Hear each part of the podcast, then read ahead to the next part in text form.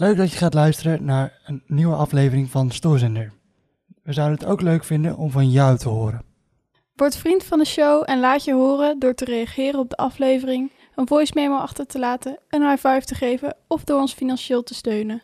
Dit kan al vanaf 1 euro en hiermee zorg je ervoor dat Stoorzender kan voortbestaan. Ga naar vriendvandeshow.nl slash stoorzender en laat je horen. Oh, wacht even, dat ging wat snel. Wa- Wat was het? vriendvandeshow.nl slash stoorzender.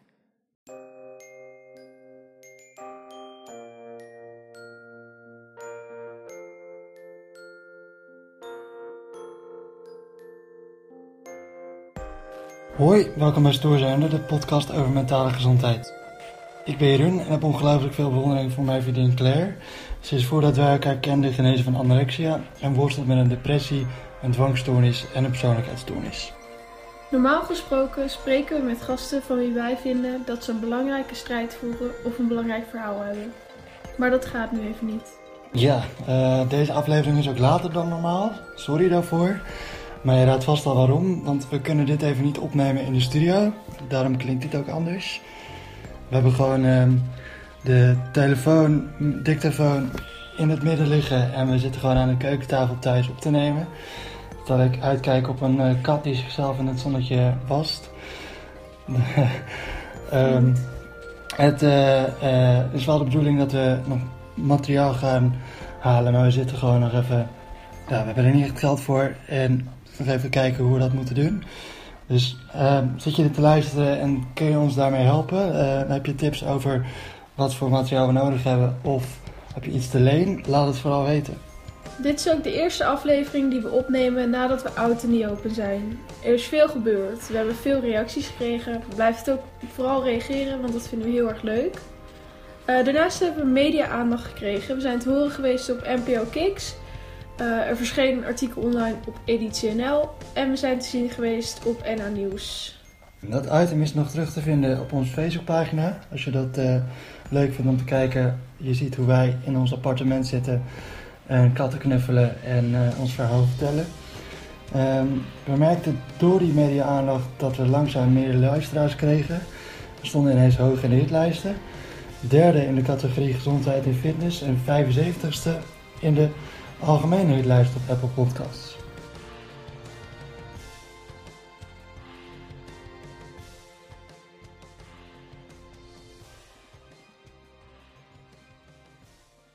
Eh, dit gebeurde wel midden in een nieuwe depressie van Claire, waar ze nu uit aan het klimmen is. Ehm, wil je daar nog iets over vertellen? Ehm, ja, ik weet niet zo goed wat. Het gaat nu gewoon weer wat beter. Ja.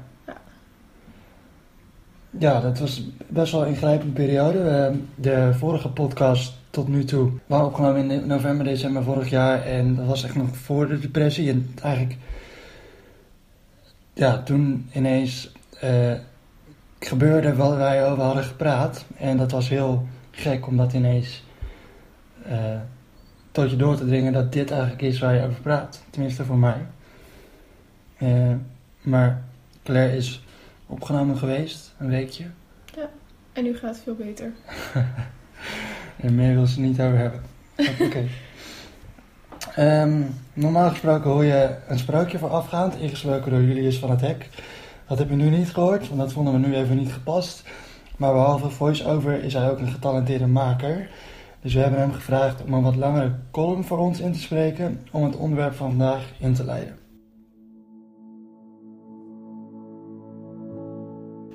Het is donderdag 12 maart 2020. Mark Rutte heeft zojuist het land toegesproken. De komende periode moeten we zoveel mogelijk binnen blijven. Werken doen we vanuit huis, geen feestjes, geen kroeg, geen film, geen restaurant. Voor hoe lang? Geen idee. Ik doe mee. Ik kan dit. Komt goed, echt, dit gaat mij lukken. Ik scroll door mijn Instagram en de eerste hipster in quarantaine content komt binnen op mijn beeldscherm. Twee meisjes die versneld een yoga-oefening doen met de hashtag quarantainelife. Ik swipe naar rechts. Een veel te hippe gast met een skatemuts die druk bezig is met het smeren van een hummusbroodje. Hashtag quarantainelunch. Ik swipe naar rechts. Verschillende mensen op het strand, in het park of in het bos met blikjes bier en glazen wijn. De verveling slaat toe, blijkbaar niet alleen bij mij. Ik swipe naar rechts. Een Netflix-advertentie. Dat is een goeie.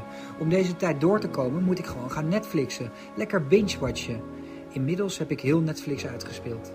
Van de bodyguard over een man die een minister moet beschermen en waar hij ondertussen mee het bed deelt, tot aan Peaky Blinders. Over een straatbende uit Birmingham, vlak na de Eerste Wereldoorlog. Ik heb alles gezien. Uit verveling ben ik op een gegeven moment maar alle series nog een keer gaan kijken, alleen dan met andere ondertiteling. Peaky Blinders in het Turks is toch net even anders. De verveling slaat nog meer toe. Mijn vriendin stelt voor om een muur in huis te gaan schilderen. Ik doe mee. Even lekker een middagje quarantaine klussen. Er is alleen één probleem. Ik ben nogal onhandig. Op een gegeven moment kwam ik erachter dat ik al een half uur een deur stond te schuren met de verkeerde kant van het schuurpapier. Laat mij maar even, uh, zei mijn vriendin. Verf jij de randjes straks maar. Ik voelde mij een volslagen idioot. Op dat moment belt mijn oma. Ze is 90 jaar oud en woont in een tehuis. We facetimen. Ze vertelt me dat ze eenzaam is, dat het maar gekke tijden zijn en ze vroeg zich af of de eentjes in de vijver ook corona konden hebben. Ze vond ze nogal een verkoude indruk maken. We kletsten uren door. Het enige probleem is, is dat mijn oma nogal vergeetachtig is. Ze vergeet dan dat ze gebeld heeft en dan belt ze nog een keer en nog een keer en nog een keer. Soms wel tien keer op een dag. Een uurtje geleden belde ze mij weer. Ze zat er even doorheen. De muren in het tehuis kwamen op haar af en ze vroeg aan mij: Kan je mij nou niet iets positiefs over deze coronatijden vertellen? Iets om mij op te vrolijken. Absoluut, oma. Er is één groot voordeel aan deze tijd en knoop dat maar goed in je oren. Hoogstwaarschijnlijk is Ajax vervroegd kampioen, omdat de Eredivisie eerder stopt. Dan kom ik je ophalen, dan jatten we een schaal uit je tehuis en gaan we samen naar het museumplein, naar een leeg museumplein. We vieren dan het kampioenschap. Op anderhalve meter afstand, dat wel. Dat vind ik gezellig, zei oma. Wanneer kom je mij halen? Zo snel mogelijk. Dat beloof ik. Het land is, uh, zoals ik dat maar even noem, intelligente lockdown vanwege het coronavirus. En daarom deze aflevering, waarin we een beeld proberen te schetsen hoe mensen met een mentale kwetsbaarheid zich staande proberen te houden in tijden van crisis. We hebben luisteraars gevraagd om in te spreken hoe zij de crisis ervaren. Daar later in deze aflevering meer over. Eerst zullen we bespreken hoe wij ermee omgaan. Want wij zitten nu ook hele dagen thuis. Ja. Ik uh, werk niet meer en jij gaat niet meer naar stage. Nee. Ja, stage was sowieso afgelopen, dus ik moest nu sowieso uh, uh, met school bezig. Maar dat is allemaal even veranderd. Ehm, ik vond het sowieso ook altijd fijn om op langer op school te blijven om mijn werk te doen. Omdat ik thuis gewoon wist, dan krijg ik toch niks gedaan. En nu zit ik hele dagen thuis. En nog eens met jou hele dagen opgesloten. Ja, een ramp. Ja. De, eigenlijk, eigenlijk gaat dat best wel heel goed. Uh, je zou denken dat uh, als je drie weken met iemand zit opgesloten, dat je helemaal gek van diegene wordt. Uh, maar dat is in ieder geval voor mij niet zo. Nee, voor mij ook niet. Nee. dat scheelt. Um, uh, ja, wat heeft ons geholpen? Ik denk vooral uh, dat we een bepaalde structuur hebben gevonden. Dus um, eigenlijk elke dag wel dezelfde tijd opstaan en van ontbijt, lunch en avondeten echt gewoon een momentje maken. Dus nou ja, gewoon aan tafel ontbijten en dan smiddags uitgebreid lunchen en s'avonds samen koken en dan samen eten. En dan weer dezelfde tijd gaan slapen eigenlijk. Ja. En dan tussen al die momentjes door gewoon dingen plannen eigenlijk. Tenminste, dat doe ik wel. Ik plan een beetje van tevoren wat ik op die dag wil gaan doen. Mm. En dat dan ook wel echt doen. Ja. We zijn eigenlijk best wel uh, productief geweest, hè? Ja, best wel. Ja, we hebben uh, allemaal kasten opgeruimd en dingen weggegooid. En, uh, uh, Muren geschilderd. Ja. Balkon opgeruimd. Mm. Nou, we zijn nu dus bezig met de podcast. Ja. Dus langzaam, langzaam vinden we wel weer een beetje onze weg erin. Ik denk dat dat voor iedereen wel een beetje zo geldt. Ja. De eerste shock is geweest eigenlijk van... Okay, Vond jij dat eigenlijk moeilijk in het begin? Uh, nou, dat vind ik niet... Uh, dat ik niet meer naar Kiks toe kon. Want ondanks dat ik geen stage meer loop, daar is het goed om te zeggen, uh, werk ik daar nog wel steeds voor. Uh, maar dat, dat hoeft ook helemaal niet meer. Uh, en we moesten ook ineens gaan, een manier gaan vinden om de podcast te maken. Eh, eerst stond mijn hoofd helemaal niet na, omdat ja, we, de- we hadden allerlei plannen die niet door konden gaan. Nee. En dan is het toch even wel schakelen, ja. Maar ik heb toch het idee dat bij mij zo'n schakeling nog wel een stukje makkelijker gaat dan bij jou. Ja, ik vond het wel echt moeilijk. Ja, En dan was het vooral ook gewoon dat ik dan op de radio naar het nieuws luisterde. En eh, dan hoor je van dit is afgelast, dat is afgelast, ja, dit gaat niet meer door. Ehm, eh, deze zaken moeten allemaal dicht. En ondanks dat het dan ook bijvoorbeeld allemaal over festivals ging waar ik niet eens heen ging. Toch krijg ik daar dan gewoon een soort onrust over van dat is afgelast. Schakelen. En dan, het was gewoon heel veel tegelijkertijd hmm, in het begin. En dat, dat vond ik vooral heel moeilijk. ja. Wat denk ik ook wel geholpen heeft, en daar had ik in het begin wel moeite mee, is ehm, niet meer zoveel nieuws volgen. Ja, Eh, in het allereerste begin ben je echt geneigd om constant de tv aan te hebben of de radio aan te hebben. Eh, en alleen maar nieuws te volgen, constant NOS-app, dat deed ik heel erg in het begin. Alleen maar de NOS-app, eh, refreshen, refreshen. ja Hoeveel die doden- live blogs eh, Ja. kijken. Ja. Hoeveel doden zijn er nu daar? Hoeveel besmettingen zijn er daar? Wat is allemaal afgelast? En daar word je inderdaad heel onrustig van. ja, ik deed ook zeg maar elke dag had ik dan in mijn hoofd van oké, zoveel mensen zijn er nu opgenomen. Zoveel mensen zijn er in totaal in Nederland besmet.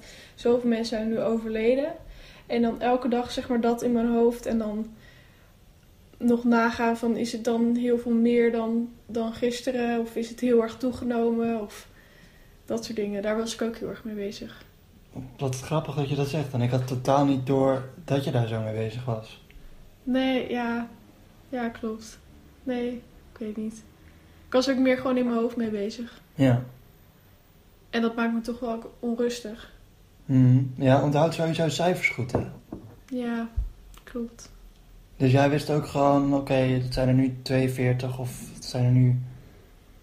Ja, En dat hield je de hele tijd bij. ja. Hm. Ja. Ik weet nog wel dat, je, dat ik dacht van ik wil op één zien, niet talkshow. Eh, en dat, dat, dat je zei, oké prima, we waren een serie aan het kijken en dat switchte ik om naar, naar die talkshow. En na vijf minuten ging je gewoon richting bed. Van, je, je- je dacht gewoon van oké, dit, dit trek ik niet, ik, ik, kan, ik kan dit niet. En je ging richting bed. En toen dacht ik van, oh ja, misschien ook wel goed om er even niet mee bezig te zijn. En toen hebben we het weer teruggezet richting Netflix. Ja. Ja, klopt. Ja, dat was best wel een besefmomentje bij mij ook. Dat hielp mij wel om een knop om te zetten. Ik weet niet of je vanaf dat moment ook verandering eh, gezien hebt. Ja, wel eerst was het de hele tijd dat je dan eh, weer op die app bezig was. En dan was het, hé, hey, dit is er gebeurd. Of hé, hey, dit is nieuws. Of zo. Of hé, hey, die ligt nu in het ziekenhuis. Een of andere bekende Nederlander. Dat soort dingen. En daarna was het eigenlijk dat ik dat niet echt meer hoorde. Nee. En volgens mij ben ik toen ook zelf minder gaan kijken op de nieuwsapp. Ja, ik denk dat, je, dat wij elkaar daar ook wel in aanstoken. Stoken, in aan hebben gestoken. Stoken. Ja. Ja. Zullen we eens luisteren naar wat eh, onze luisteraars hebben gezegd hierover? Ja, we ehm, hebben luisteraars gevraagd op jouw Instagram en ook de stories aan Instagram. eh, ja, laat even weten hoe je erbij zit. En dat hebben een heleboel luisteraars gedaan. En we hebben best wel gevarieerde reacties gekregen, al zag ik het zelf. Als eerste Indra. Hallo, mijn naam is Indra, 20 jaar en ik heb last van een dystieme stoornis en een persoonlijkheidsstoornis. Zelf ben ik niet echt bang om het virus te krijgen, maar ik ben wel bang om het over te dragen naar de kwetsbare mensen in mijn directe omgeving. Qua mentale gezondheid gaat het helaas wel achteruit. Dit komt eigenlijk omdat ik mijn hele daginvulling kwijt ben en school- en therapieafspraken online gaan. Het online schoolvolgen vind ik wel wat raar, omdat ik nu niet echt naar de locatie toe ga. En mijn concentratie is er ook niet echt heel verbeterd van geworden. Ook de therapieafspraken die om zijn gezet in videobeeldbelafspraken vind ik erg lastig. Ik heb minder het gevoel bezig te zijn met therapie en woorden van mijn psycholoog komen minder over. Daarnaast is het loslaten van mijn emoties, terwijl een scherm tussen mij en mijn psycholoog zit, toch wel wat raar. Ik wil daarbij zeker niet de GGZ afkraken en videobeeldbellen is echt een goed en prachtig initiatief, zeker gezien de maatregelen die er moeten worden genomen. Maar toch hoop ik, net als ieder van ons, dat het snel weer wordt zoals van ouds. Ondanks de coronatijden probeer ik wel het gesprek met mijn behandelaren aan te gaan en ze dit te laten weten. Verder vind ik het prettig als ik met andere mensen kan facetimen en ook kan hebben over de luchtigere dingen. En ik zoek nu zoveel mogelijk de natuur op. Hierbij zijn natuurlijk wel de regels heel erg belangrijk. Ja, wat mij het meest opvalt is dat Indra zegt: ehm, het, het loslaten van emoties over een beeldscherm is lastig. Ja. Dat heb jij ook, toch? Ja, ik ehm, had de eerste week van de eh, lockdown had ik, uh, belafspraak, had ik een belafspraak met mijn therapeut. Ehm, en die week daarna werd het eigenlijk uh, beeldbellen. Hm. En ik ben sowieso absoluut geen fan van bellen of beeldbellen. Uh, sterker nog, ik vind het echt een van de verschrikkelijkste dingen om te doen. Nou ja, omdat ik bellen dus sowieso al verschrikkelijk vind, is uh, bellen met mijn therapeut nog verschrikkelijker. Want dan ga je het ook hebben over dingen waar je het soms ook helemaal niet over wil hebben. Hm. En moeilijke dingen en emoties en uh, dat soort dingen. Um, dus ik vind het dan ook heel moeilijk om echt in zo'n gesprek aan te geven van hier zit ik mee en hier wil ik het graag over hebben. Omdat je toch gewoon een soort af, ja, gewoon een afstand voelt tussen je therapeut en jezelf, zeg maar. Hm. Dus dat vind ik vooral heel moeilijk aan Ja, telefonische therapie. ja. Ja, dat is wel echt wel verschil. Want ik, de, de laatste tijd bel ik echt heel erg veel. Ik bel echt gewoon zo'n 1, Ja. 2 uur per dag of zo. Ja, Ik heb ook gewoon, ik bel vrienden op en dan eh, ben ik een uur met ze aan het lullen. Over van alles en nog wat. Ik heb daar totaal geen moeite mee, maar ik kan me wel voorstellen dat het voor jou, omdat ik weet hoe moeilijk je het normaal vindt om jezelf te uiten, dat het nu een extra barrière is, zeg maar. ja, klopt. Maar beeldbellen is wel een verbetering ten opzichte van gewoon bellen. Ja, vind ik wel. Omdat je dan in ieder geval nog een gezicht ziet. En een beetje gezichtsuitdrukkingen kunt zien. En Ja, dat soort dingen. En het maakt, als er zo stilte valt, maakt het toch een soort minder ongemakkelijk. hm. Wat ik altijd heb met beeldbellen is dat als je het normaal belt, dan gebeurt het nooit. Maar met beeldbellen op een of andere manier begin je altijd tegelijk met praten na een stilte. Heb jij dat ook? Nee, maar mijn therapeut is er sowieso heel goed in om van die, van die therapeutische stiltes te laten vallen. Dat als je een antwoord geeft en dan stilte. Ja. En dan voel je je dus verplicht om uitgebreider te antwoorden. Dus dat is eigenlijk gewoon heel slim van haar. Dat is ook Maar een is- interviewtechniek inderdaad. Ja, klopt. Ja. Maar daar is ze heel goed in. Dus dan is het hele tijd stil. En dan... Ja, ik vind dat gewoon verschrikkelijk eigenlijk.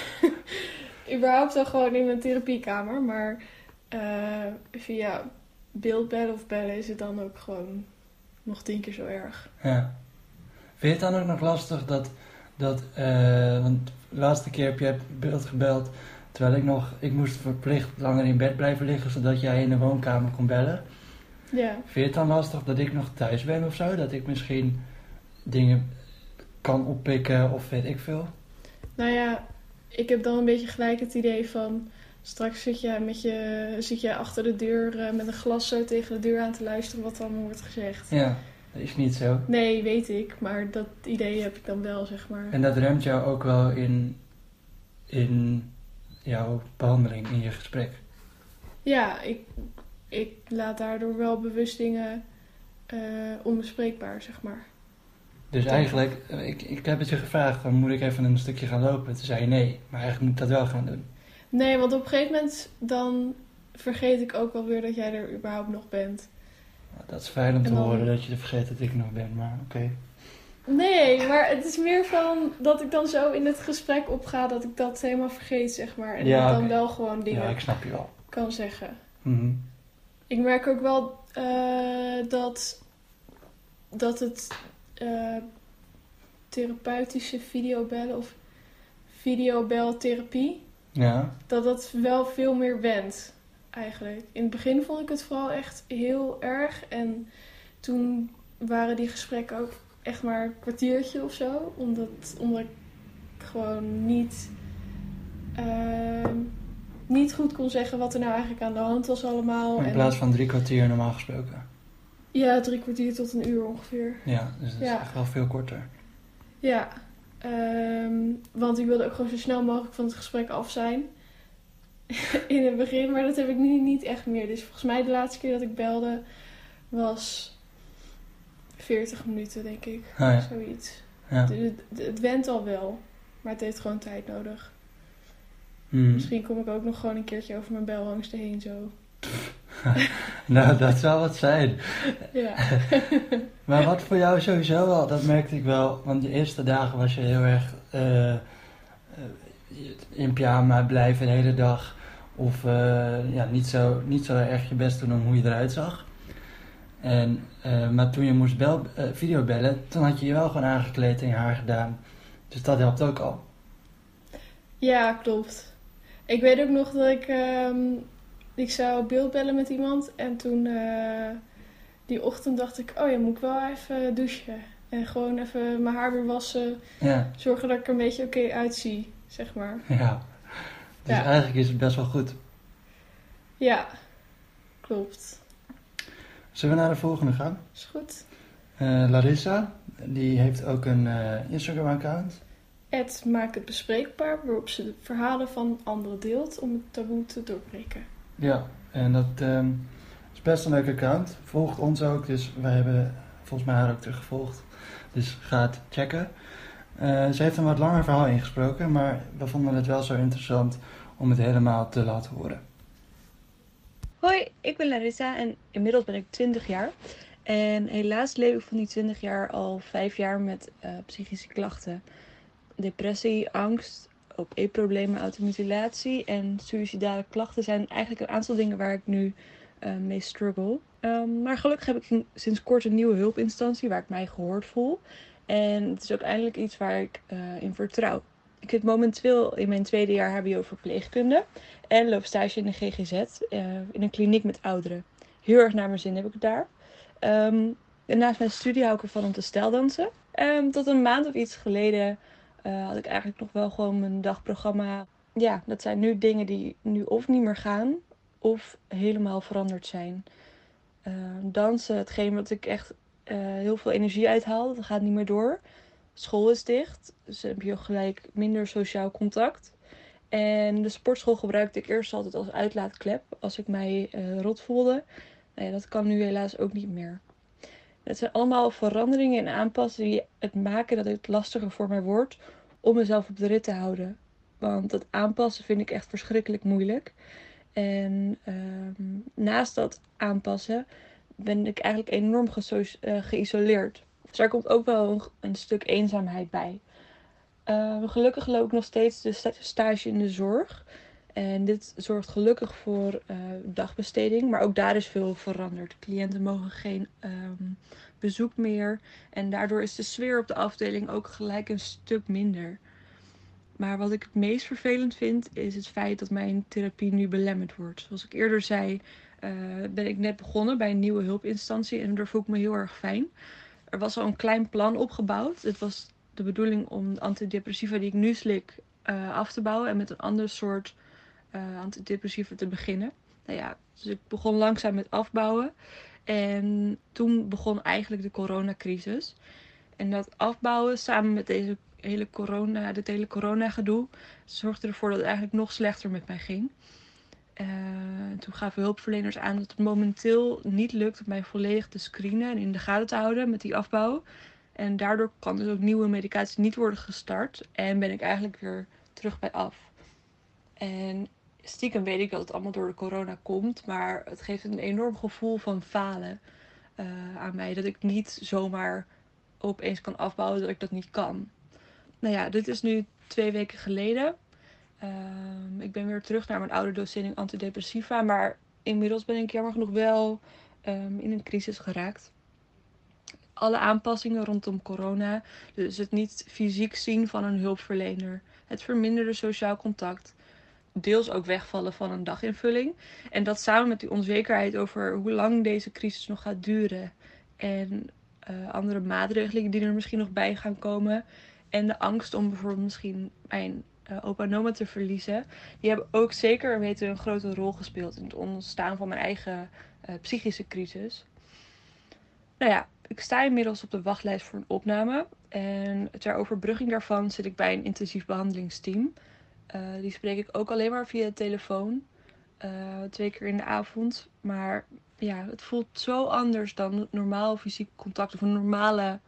Uh, ja, fysiek contact klinkt een beetje raar, maar ik bedoel een normale afspraak waar je face-to-face met elkaar kan praten. Uh, ik vind het enorm lastig om dan mijn emoties te uiten. En uh, voor de hulpverleners is het ook heel erg moeilijk in te schatten wat ik nou nodig heb en hoe het echt met mij gaat. Dus ja, ik kan eigenlijk wel zeggen dat corona mij aardig onderuit heeft gehaald. En voor mij is het ook onzeker omdat ik niet weet wanneer er een plekje is voor mij op, in een opname. En welke maatregelen daar er van eh, toepassing zijn. Wat mij de afgelopen weken wel enorm heeft geholpen zijn die corona-initiatieven die er zijn. Bijvoorbeeld van Lijm de Zorg en Mind. Uh, dus een soort van GGZ corona lotgenotenfeestje, contact. En daarnaast heb ik veel kaartjes gestuurd en gekregen. En dat voelt wel een soort van tastbaar hart onder de riem. Dat voelt heel erg fijn. Um, en ik heb aangegeven laatst bij de hulpverleners dat echt contact, zomaar tussen haakjes echt contact, um, mis. En uh, nu wordt er af en toe een wandeling met mij uh, gemaakt buiten. Mits ik natuurlijk ander, anderhalf meter afstand hou en allebei gezond zijn. Nou ja, dat helpt ook wel. Ja, dit is eigenlijk um, toen de coronacrisis begon en uh, nou ja, dat ook bekend werd van dat de GGZ niet meer open was, was dit eigenlijk het beeld wat ik in mijn hoofd had, wat, een beetje met jou zou kunnen gebeuren, maar wat dus niet gebeurd is. Maar dit is wel waar je bang voor bent, toch? Ja, nou ja, in het begin uh, denk ik dat ik er ook wel een beetje zo bij zat en dat het richting crisis ging bij mij eigenlijk.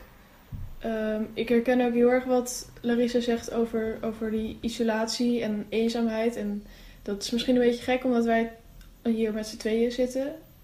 Um, maar toch merk ik ook wel dat ik me wel wat eenzamer voel, zeg maar. Omdat ik ook gewoon, ja, toch eigenlijk gewoon geen vrienden zie. En um, hiervoor ging ik dan altijd werken en ik had het superleuk met collega's. Maar die zie ik nu ook eigenlijk allemaal niet meer. Uh, en dat vind ik ook wel heel moeilijk. Ja.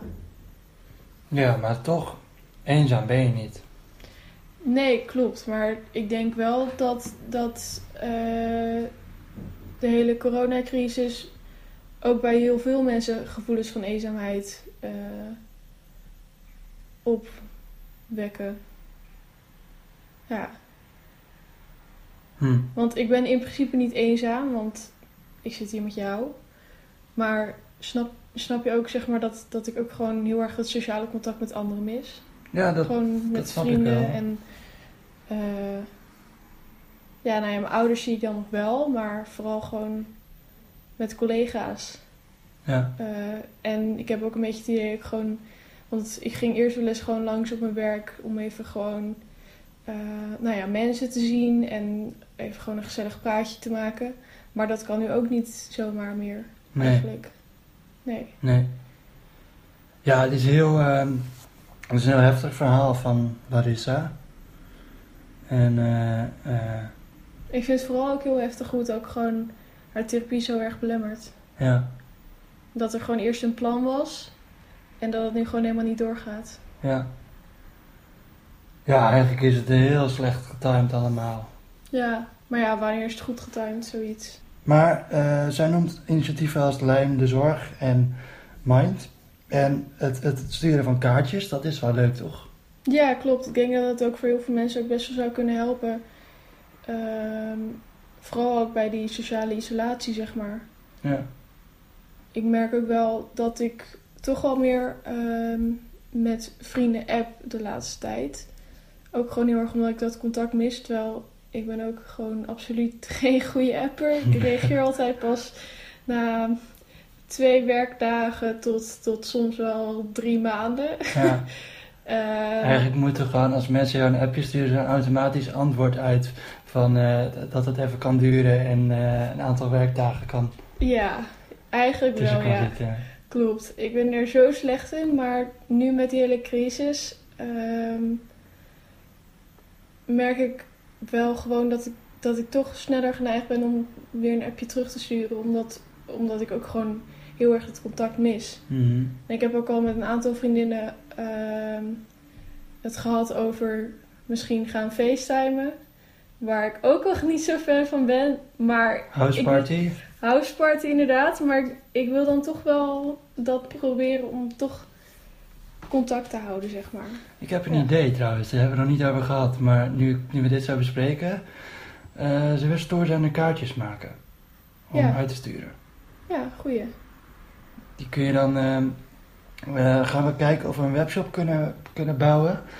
En eh, eh, kunnen we, op die manier kun je kaartjes sturen. Dat vind ik een leuk idee. Nice. Oké. Gaan we nog eh, even aan werken. Dat eh, ga je wel op onze sociale kanalen terugvinden hoe dat allemaal werkt.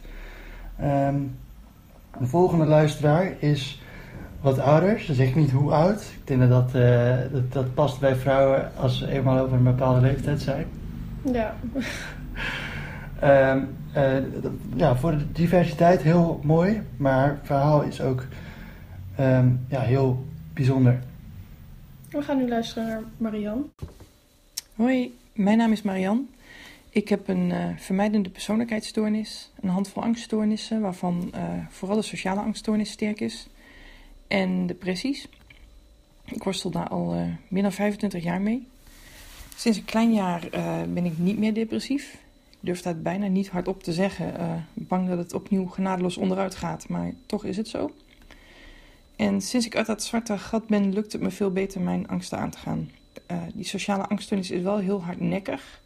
Maar ik kan er veel beter mee omgaan tegenwoordig. En eh, voor de coronacrisis was ik met veel goede dingen bezig. Ik studeer in deeltijd, dat ging lekker. Ik was gestart met een cursus voor ervaringsdeskundigen waar ik heel veel zin in had. Was bezig met eh, vrijwilligerswerk en nou ja, zo nog een aantal dingen. Had echt mijn, mijn purpose in life eh, gevonden en was daar gewoon mee aan de slag. En ehm, Daarnaast had ik een agenda die vol stond met eh, lunchafspraken, lezingen, bioscoopbezoekjes, leuke dingen. Dus echt dingen die me energie geven. En toen kwam corona. En dat heeft een enorme invloed op mijn dagelijks leven. In no time stroomde die agenda leeg en, en alles werd noodgedwongen gecanceld. Eh, structuur viel weg. Ineens heel veel tijd over. Ehm, wat ik vooral lastig vind is dat social distancing echt voer is voor mijn sociale angsten. Het is ingewikkelder geworden om die angsten aan te blijven gaan. Dus ik merk dat die toenemen op een moment. En eh, ja, ik had nooit verwacht dat ik dat überhaupt ooit zou zeggen. Maar ik mis mijn sociale contact ook echt. Eh, wat op zich ook wel een goed teken is eh, eh, van herstel gezien mijn stoornissen. Ik merk ook dat mijn smetvrees aangewakkerd wordt. Al is dat in deze tijd misschien niet eens eh, zo slecht. Ehm, verder ben ik wel bang dat een aantal mensen om wie ik veel geef, dat die ziek worden. Mensen die in een risicogroep zitten ook. Ehm, wat mij nu helpt is dat ik toch probeer een dagritme vast te houden. En vooral toch ook afleiding zoeken. Ehm, mijn tentamens zijn afgelast, maar ik probeer gewoon door te studeren. Ik heb veel contact via social media, wat niet hetzelfde is als in real life. Maar het, ja, het is even niet anders. Ehm, buiten dat beperk ik mijn media intake. Dus ik, ik kijk ochtends een keer naar het nieuws en 's avonds en meer niet. Ehm, ik luister heel veel muziek, liefst een flink volume en dan lekker meeblaren. Eh, ik lees op afstand eh, samen met iemand een boek waar we dan over kunnen discussiëren. Ik schrijf heel veel. Eh, dat helpt om mijn hoofd helder te houden. Ik ben voor het eerst in jaren weer eh, aan het tekenen geslagen. En eh, wat ik verder erg leuk vind is de grote hoeveelheid huiskamerconcerten die je bijvoorbeeld op Instagram ziet. Muzikanten die liedjes spelen in een joggingbroek vanuit een huiskamer met de telefoon als camera. Daar kan ik echt wel van genieten. En ondertussen merk ik dat ik ondanks alles toch nog steeds gewoon blijf staan. Dat ik niet onderuit ga. En dat geeft me ook wel een goed gevoel. Dat ik toch blijkbaar wel uh, heel resilient ben. Dat ik echt veerkracht heb. Dus uh, dat is een beetje hoe ik het ervaar nu. Ja, um, een uh, best wel een mooi verhaal van Marianne. Die, ondanks dat ze met heel veel dingen worstelt, toch wel gewoon overeind blijft staan. Ja. Zo kan het ook. Ja. En heel veel. Uh, ja, ze is sociaal geïsoleerd, geeft ze aan, maar ze heeft toch ook best wel veel dingen. Uh, dus als lezen van een boek op afstand, wat ik best wel vindingrijk vind eigenlijk. Ja, ja ik vind het ook vooral uh, weer heel opvallend dat. dat nou ja, Marjan geeft aan van. Ik had een best wel druk leven en dat ging allemaal heel goed. Dus ik denk ook echt dat dat gewoon een leven met heel veel uh, dingen om te doen heel essentieel is om je goed te voelen in je hoofd, zeg maar. Um, maar dat door die crisis dat eigenlijk alles plat ligt. En daardoor ook angsten weer meer omhoog komen.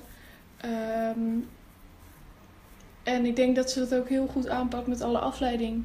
Ja. Ja, en smetvrees lijkt me inderdaad nog wel een dingetje. Ja, dat lijkt me ook heel lastig. Ik ben heel blij dat ik dat niet heb. Je hebt het wel gehaald, toch? Ik heb wel vormen van smetvrees gehad, maar niet. Uh, dat was meer mentale smetvrees, zeg maar. Dat klinkt heel gek, maar ik was niet bang voor, voor, voor, um, voor viezigheid of, of virussen of dat soort dingen. Ik was meer bang um, dat er. Even kijken, hoe leg ik dat goed uit? Um, ik, was, ik, ik had meer een soort van goed-fout smetvrees. Oké. Okay. Snap je dan wat ik bedoel? Niet helemaal. Ik had zeg maar in mijn hoofd van dat is goed en dat is fout. En als iets fouts iets goeds aanraakt, dan, dan wordt dat fout. Oké. Okay. In die zin had ik zeg maar een soort van smetvrees. Maar nooit echt met, met viezigheid of ja, schoonmaken heb ik wel gedaan. Ja. Um, maar nooit echt met, met uh, echt het besmetten met, met virus en dat soort dingen. Maar dat lijkt me heel uh, lastig ook in deze tijden. Ik zit ook nu in een appgroep voor lotgenoten met dwang. Oh ja. Waarin heel veel mensen zeggen dat ze... Uh, ah, wacht even, ik ben even afgeleid. De kat komt even op tafel. Ja, kom. Kitty, kitty, kitty. Um, waar was ik? Oh ja, ik zit dus uh, sinds een tijdje in een appgroep met lotgenoten met dwang. Dat heb je trouwens ook kunnen horen in de podcast. Uh, want Menno heeft je uitgenodigd ja, daarvoor. Ja, klopt. Uh, na die aflevering zit ik uh, in die uh, appgroep. Maar heel veel mensen daar die hebben ook last van smetvrees. En die geven ook aan dat het nu veel erger is. En um, waar we ook op uitkwamen was dat het eigenlijk wel heel grappig is dat normaal gesproken mensen niks van dwang of angsten snappen.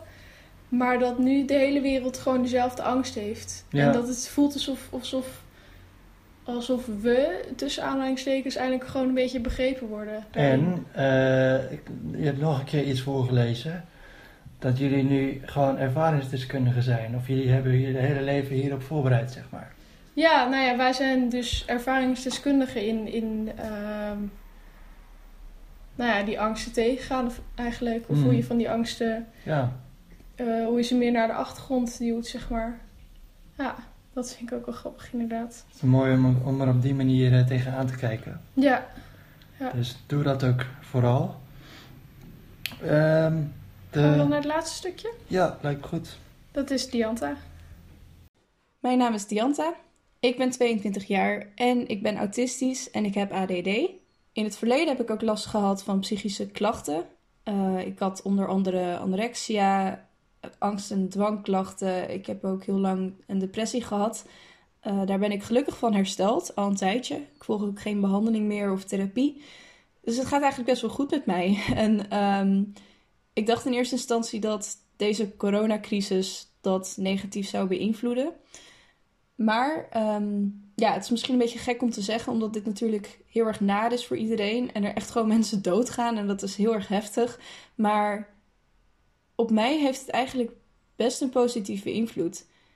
Um, ik werk namelijk drie dagen op een kantoor en daaromheen ja, spreek ik af met vrienden. Maar ik doe ook andere dingen daarnaast, vrijwilligerswerk. En eh, ik volg best wel veel workshops daarnaast ook, rondom uh, zelfontwikkeling bijvoorbeeld. En um, ik merk nu dus dat die dingen mij eigenlijk ook heel veel energie kosten. En dan met name bijvoorbeeld het openbaar vervoer en verwachtingen van anderen. En ja, de druk die deze maatschappij ook een beetje oplegt. Uh, ik werk nu dan thuis. En dat betekent dus dat ik ja, niet met met het openbaar vervoer hoef, natuurlijk. um, en ik merk eigenlijk dat ik gewoon veel meer rust ervaar. Ik voel nu eigenlijk vrij weinig druk van buitenaf. Wat ook logisch is natuurlijk, want alles staat ook een beetje stil. En ik merk dat daardoor mijn intrinsieke motivatie best wel verhoogd wordt. Dat ik ook echt vanuit mezelf de behoefte heb om uh, uit bed te gaan en uh, er een dag van te maken. Dus dat ik uit mezelf een dagritme maak en een slaapritme. En dat is dus uh, iets wat ik normaliter moeilijk vind, omdat het een beetje moet, zeg maar. Het moet van de maatschappij. Ik moet nou eenmaal uit bed komen omdat ik die afspraak heb om 9 uur of omdat ik naar mijn kantoor moet. Maar nu kan ik dat zelf bepalen en daardoor voel ik hoeveel waarde dat eigenlijk heeft.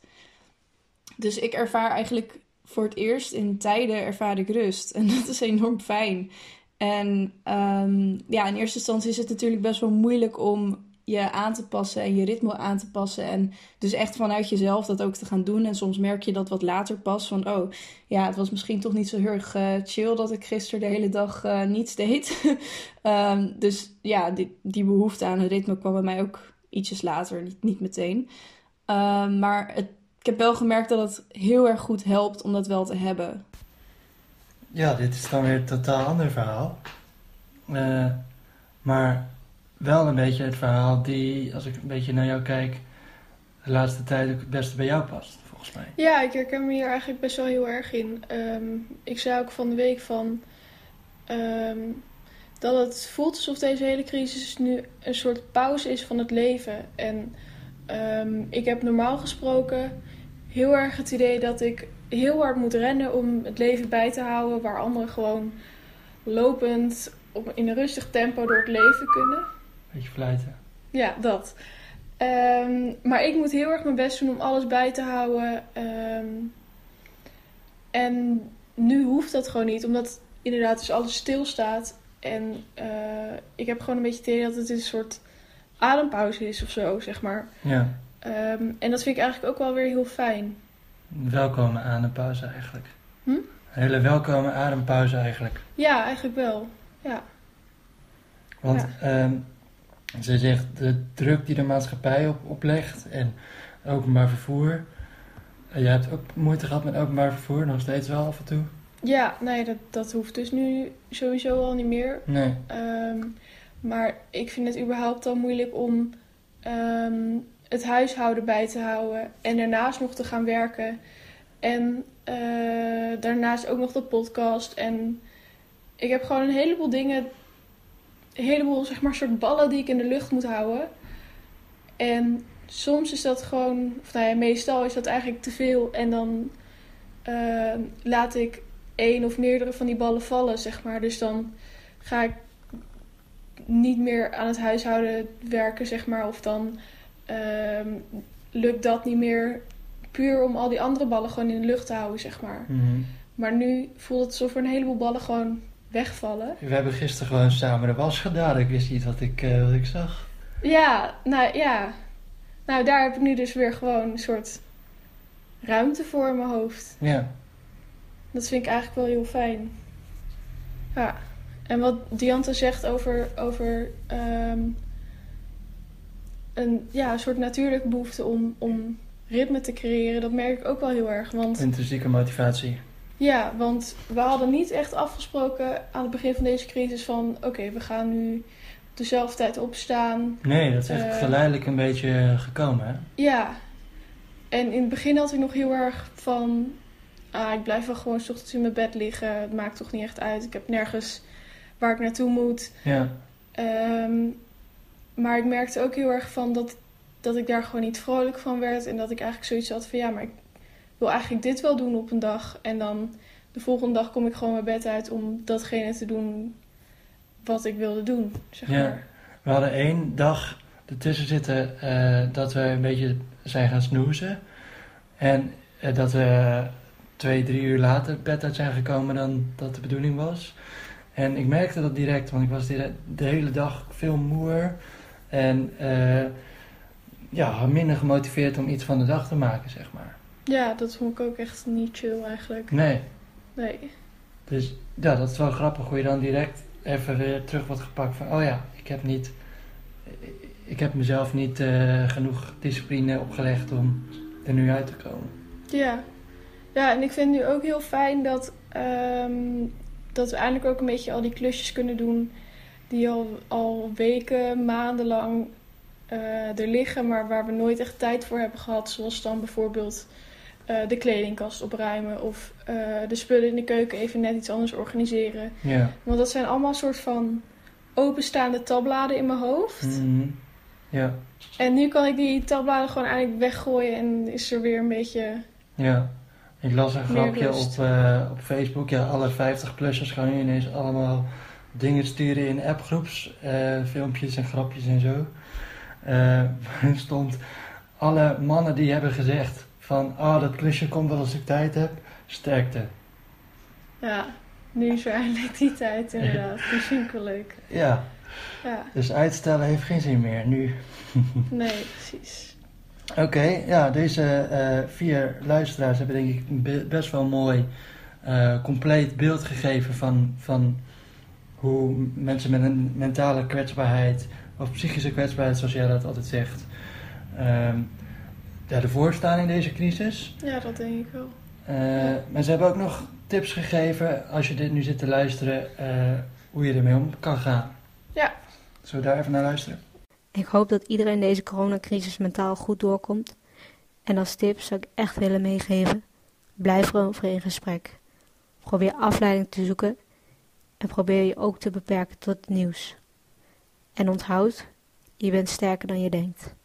Als ik een tip aan anderen zou mogen geven, dan zou ik echt zeggen: ga wel uit je bed en doe wel iets. En blijf naar buiten gaan, zolang het nog mag, in je eentje, met anderhalve meter afstand. Op anderen natuurlijk. Ehm, maar hou jezelf wel bezig en creëer een soort van schema misschien, wat je de hele dag doet. Eh, lees een boek of vind een nieuwe hobby eh, en blijf bewegen. En ehm, je zult merken dat als je alleen maar een beetje een structuur in je dag hebt, of in ieder geval op dezelfde tijd gaat opstaan en naar bed gaat, dat het het dan een heel stuk draaglijker maakt. Dat heb ik in ieder geval gemerkt. nu je luistert en je ook struggelt met eh, mentale gezondheid en deze onzekere tijd, wil ik je een paar dingen meegeven. Wees alsjeblieft lief voor jezelf, eh, want deze crisis is zeker niet niks. Niet niks. Je bent niet alleen. Ehm, en ja, stay strong. Ja, ook Larissa heeft een kat. Leuk om, eh, om te horen. En dit zijn... Eh, oh. ja, wat wil je zeggen? Nou, ik wil vragen of wij nog tips hebben. Hebben wij nog tips? Heb jij nog tips? Nou, ik denk dat we alles wel ehm, zo'n beetje genoemd hebben, toch? Ja, ik denk gewoon structuur, Ja. afleiding. Ja. Ehm, Ik vind, het, ik vind het persoonlijk ook heel fijn. Maar ik weet dat ik bij jou er niet bij aan hoef te komen. Maar eh, ja, je weet al, je, je Ja, al, je weet al waar ik naartoe ga. wandelen, ja. Ik vind echt... Ik heb ook een, eh, een psycholoog. Dat kan ik iedereen die partner is van eh, aanraden. Je komt toch weer op andere inzichten en je kan vrij uitpraten. Dat is heel fijn. Ehm, maar ik wandel altijd naar hem toe en eh 20 minuten heen, 20 minuten terug. En dat is echt top. ja, ik ben niet zo fan van wandelen. Maar ehm, ik weet wel dat het goed is. Dus ik geef je ook de tip, ga wandelen. Heel hypocriet. Ja, Maar eh, voor sommigen werkt het, voor sommigen wat minder, laat ik het zo zeggen. en jij Ja. zei nog zo, ik wil het niet over wandelen hebben in deze podcast. Ja, dankjewel. Jeroen. Maar hebben we verder nog tips? Ja, vertel. Ehm, nou ja, zoals we al zeiden, van elk eetmoment echt een moment maken. Dat, dat helpt mij heel erg. Ja, En ik denk ook wel ehm, dingen inplannen, maar niet te veel, zeg maar. ja, Eh, want als ik dingen zou inplannen, dan heb ik wel de neiging om per uur iets in te plannen. En dan echt me strikt aan die planning te houden. En dan soms is het gewoon te veel. En dan lukt het niet meer en dan geef ik die hele planning op. Mhm. Ehm, en dat is niet wat je wil. Dus ik plan nu alles in eh, op ochtend, middag en avond, zeg maar. Maar wat vind ik wel grappig dat je dat zegt, want daar heb je niet met mij over. Nee, het is ook meer dat ik dat in mijn hoofd bedenk van, oh, s ochtends wil ik dat doen. En dan smiddags ga ik daarmee bezig en dan s'avonds ga ik denk ik dat doen of misschien iets anders. Zo een beetje. En, en lukt dat om, het, om je da- daaraan te houden? Ja, wel. Ja, best wel goed eigenlijk. En ik vind het ook wel fijn dat ik dan ehm, ook gewoon niet te veel op mijn planning heb. Ja. En gewoon eh, een beetje mijn tijd kan nemen om ermee bezig te zijn. Mhm. Er is nog een ding, zit ik nu te bedenken, wat ons geholpen heeft trouwens. Weekboodschappen doen. Ja, weekboodschappen. Dat In plaats van elke dag eh, naar de supermarkt gaan. Naar de supermarkt gaan is nu sowieso heel naar eigenlijk, vind ik het. Ja, vind ik ook. Eh, ja, omdat je toch weer zit met mensen die anderhalf meter afstand houden echt verschrikkelijk moeilijk vinden. Ehm, los daarvan voel je jezelf ook erg opgelaten. En als er net iemand voor je is die, richt, die, die ook de pastas thuis moet hebben. En eh, rustig vier minuten staat te wachten om te kijken welke pastasaus je zou nemen. Ja, dan sta je gewoon vier minuten te wachten totdat je bij de pastasaus kan. Ja, Eh, dus kies gewoon een moment uit om boodschappen te gaan doen. Maak een grote lijst met dingen die je wil gaan eten. Eh, en haal dat. ja. Dat vind ik ook een hele goede en belangrijke tip. Ja. Hebben we verder nog tips? Nou, ehm, ik wil vooral blijven oproepen eh, om berichten te sturen. Audioberichten hebben we nodig. Het liefst zo'n 2, 3 minuten, denk ik. Mag ook langer, Van hoe mag je ook de, korter. Ja, van hoe je erbij zit. Ehm, en laat vooral weten wat je van deze aflevering vond, deze aangepaste aflevering. Ehm, ik hoop dat we een heleboel mensen mee kunnen helpen en ook een beetje een stand van zaken kunnen geven eh, over, over mentale kwetsbaarheden. In deze crisis. Dit was de eerste aflevering van Corona Crisis in je hoofd. We zijn te vinden op sociale media, Facebook en Instagram, @stoorzenderpodcast. We hebben ook een website, stoorzenderpodcast.wordpress.com. Hou onze kanalen in de gaten voor de wenskaarten waar we het over hebben gehad. Die komen snel online. Mail ons op stoorzenderpodcast.gmail.com. Laat ons vooral weten wat je van de podcast vindt, maar stuur daar ook je corona-audiobericht naartoe. Heb je een iPhone? Dan zouden we het fijn vinden als je een review achterlaat op Apple Podcasts. Hierdoor worden we beter gevonden door nieuwe luisteraars.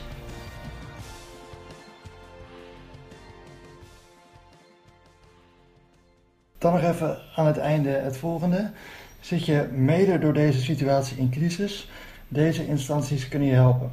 We noemen ze op en zullen ze ook in de show notes zetten, zodat je niet mee hoeft te schrijven. 113 zelfmoordpreventie 0900 0113 of via 113.nl. De luisterlijn 0900 0767 of de luisterlijn.nl. Mindcorrelatie 0900 1454 of mindcorrelatie.nl. Of bel naar je huisarts of een crisisdienst in jouw regio. Leuk dat je hebt geluisterd naar een volledige aflevering van Stoorzender. Nu zouden we het leuk vinden om van jou te horen. Word vriend van de show en laat je horen door te reageren op de aflevering, een voice memo achter te laten, een high five te geven of door ons financieel te steunen. Dit kan al vanaf 1 euro en hiermee zorg je ervoor dat Stoorzender kan voortbestaan. Ga naar vriendvandeshow.nl slash stoorzender en laat je horen. Oh, wacht even, dat ging wat snel. Wat was het? vriendvandeshow.nl slash stoorzender.